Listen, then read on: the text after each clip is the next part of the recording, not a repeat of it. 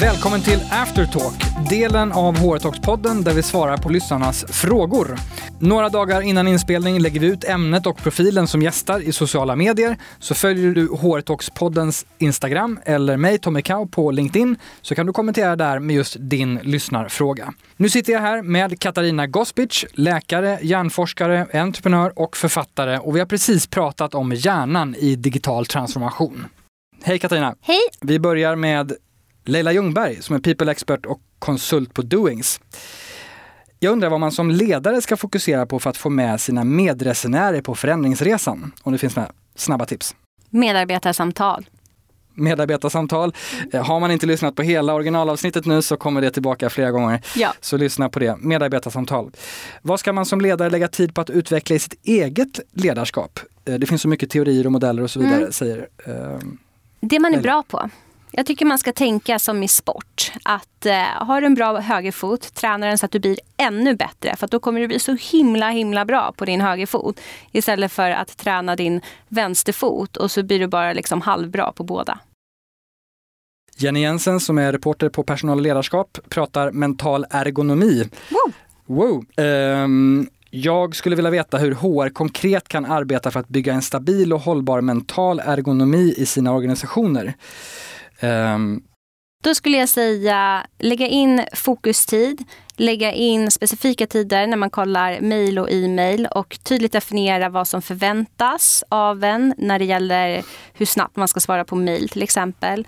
Och nummer tre, lägga in återhämtning och försäkra sig om att eh, medarbetarna återhämtar sig och prata om det. Nathalie Bertelius, HR-direktör på Wise Group. Hur nyttjar vi bäst forskningsbevis för att förbereda organisationen inför en kommande förändring och samtidigt inspirera till entusiasm och konstruktivt engagemang i frågan, det vill säga uppmuntra till nyfikenhet och proaktiv delaktighet. Då skulle jag säga att man ska läsa neuroledarskap. En av de böckerna som du har skrivit. Ja. Ja, Och då får man med sig en mängd matnyttigt. precis. Bra, eh, kort och fint tips. Linda Westlund som är HR-direktör på Cybercom. Med dagens snabba teknikutveckling, mängden data, mer komplexa organisationer, fler parametrar att ta hänsyn till och svårare än någonsin att förutsäga framtiden.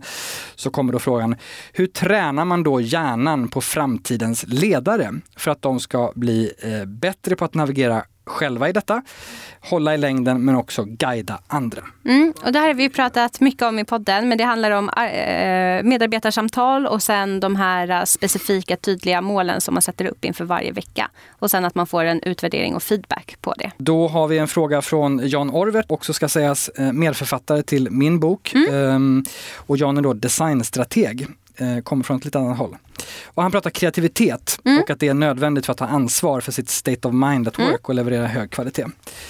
Kreativitet är också av World Economic Forum listats på tredje plats eh, över tio viktiga talent skills 2020. Och det här har samtidigt många svårt att återupptäcka eller förstärka. Vilka tips brukar du ge eller kan du ge utifrån ditt perspektiv som hjärnforskare kopplat till kreativitet? Det handlar om återhämtning. För tittar man på de platser där människor är mest kreativa så är det de här klassiska fyra ben. Så att det är ju eh, bed, bus, bar, bath. Silja Ahlström som är nyutexaminerad HR-student från Stockholms universitet undrar om vi ska summera då, vad är det viktigaste för HR att börja agera på nu för att säkra sina medarbetares hjärnors välmående i arbetet framöver? Vi har varit inne på det, så om vi summerar det. Fokustid, specifika tider för mejl och telefon, sådana saker. Återhämtning, medarbetarsamtal, eh, tydliga mål som man sätter upp inför varje vecka. Siri Vikander som är Director of People Growth på Scandic Hotels undrar hur kan jag formulera mig för att få med mig andra människors hjärna? Jag märker att vissa formuleringar väcker mindre motstånd än andra. Och i vissa frågor väcks kreativitet. Hur bör jag tänka? Vad bör jag tänka på? SCARF, Status, Certainty, Autonomy, Relatedness and Fairness. Och det pratade vi mer om i originalavsnittet, så lyssna med där. SCARF-modellen. Sofia Stadin, chef för strategiskt kommunikationsstöd på Tullverket, undrar hur kommunicerar vi kring förändringar i verksamheten på ett sätt som bidrar till en känsla av både trygghet och stabilitet och förändringsvilja? Eh, att kontinuerligt komma med information så att det inte är så att den här personen jobbar ett år på det här och sen så tar man 20 minuter och ska presentera det här för alla. Eh, för då är det en stor obalans där kring vad den personen vet och vad alla andra vet. Eh, så att det man behöver göra det är liksom att ta 10 minuter varannan vecka och säga lite ord om det här. Bryt ner det ja. och ge belöningarna Precis. löpande. Helena Sjöberg som är HR-direktör på Microsoft i Sverige. Hur kan vi redan nu bli klokare imorgon? Det vill säga vilket digitalt konsumtionsmönster kommer vi om 3 till 5 år med förfäran blicka tillbaka på och som vi kanske med insikter redan idag kan ändra på? Mm. Och det handlar ju om det här med godispåsen som vi pratade om i podden.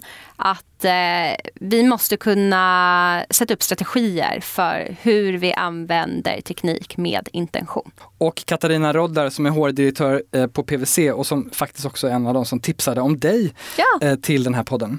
Hur tror du att vår digitala livsstil och arbetslivets digitala transformation kommer påverka våra tankemässiga förmågor och funktioner? Kommer vi bli smartare eller dummare? Eller? Så när det gäller våra förmågor så ser vi ju nu att vi kanske börjar bli dummare för första gången på väldigt länge. Jag hoppas att eh, vi kommer skärpa till oss på samma sätt som vi har lördagsgodis. Att vi lägger in strategier för hur vi använder tekniken och att hur ska jag säga, den mjuk och hårdvara som kommer också kommer hjälpa oss med att sortera och prioritera. Och på så sätt så kommer vi bli smartare. Tack alla ni lyssnare som har ställt frågor. Tack Katarina för att du var med och svarade på fler lyssnarfrågor. Tack.